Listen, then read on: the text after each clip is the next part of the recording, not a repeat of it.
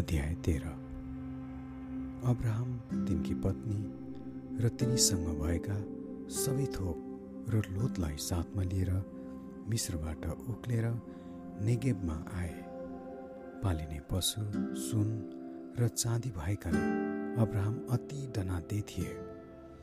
तिनी नेगेबबाट यात्रा गरेर बेथेलको त्यस ठाउँमा आइपुगे जहाँ अघि सुरुमा बेथेल एको बिचमा तिनको पाल टाँगिएको थियो र जहाँ तिनले पहिले वेदी बनाएका थिए त्यहाँ अब्रामले परमप्रभुका नाउँको पुकारा गरे।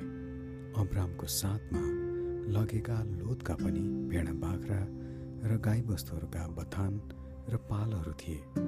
त्यस जमिनले तिनीहरू दुवैलाई सँगै रहेको अवस्थामा धान्न सकेन किनकि तिनीहरूका भेडा बाख्रा र गाईबस्तुहरूको सम्पत्ति यति ठुलो थियो कि तिनीहरू साथसाथै रहन नसक्ने भए। अब्राहम र लोतका गाईबस्तुका गोठालाहरूका बिचमा झगडा पनि भयो। त्यसबेला त्यस देशमा कनानी र परिचयहरू पनि बस्थे। यसै कारण अब्राहमले लोतलाई भने तिम्रो र मेरो बिचमा र तिम्रा र मेरा गोठालाहरूका बिचमा झगडा नहोस् किनकि हामी त नातेदार हौँ। सारा देश तिम्रै अघि छ। तिमी मबाट अलग हौ। तिमी देब्रेतिर गयौ भने म दाहिनेतिर जानेछु। अथवा तिमी दाहिनेतिर गयौ भने म देब्रेतिर जानेछु।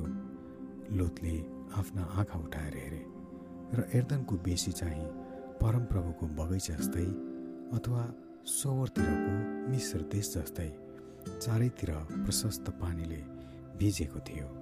परमप्रभुले सदोम र गोमोरा सर्वनाश गर्न अघिको यो कुरा हो।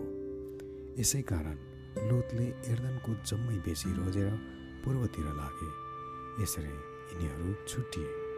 अब्राम चाहिँ कनान देशमा नै बस्न लागे। लोत चाहिँ बेसीका सहरहरूमा बास गरे। तिनले आफ्नो पाल सदोमसम्म सारे। सदोमका मानिसहरू दुष्ट थिए र परमप्रभुको विरोधमा साह्रै पाप गर्थे।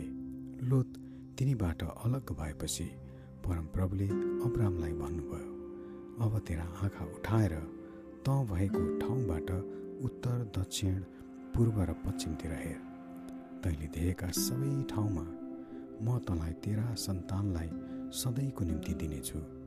म तेरा सन्तानलाई पृथ्वीको धुलो सर बढाउनेछु।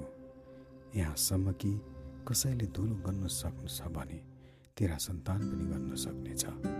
उठ देशको चारैतिर जा किनकि म त्यो तँलाई दिनेछु तब अब्राहमले आफ्ना पाल सारे र हेब्रोनमा भएका मम्रेका फलाटका रुखहरूमा आए। त्यहाँ आएर तिनी त्यहीँ बसोबास गर्न लागे। यहाँ परमप्रभुको निम्ति तिनले एउटा वेदी बनाए।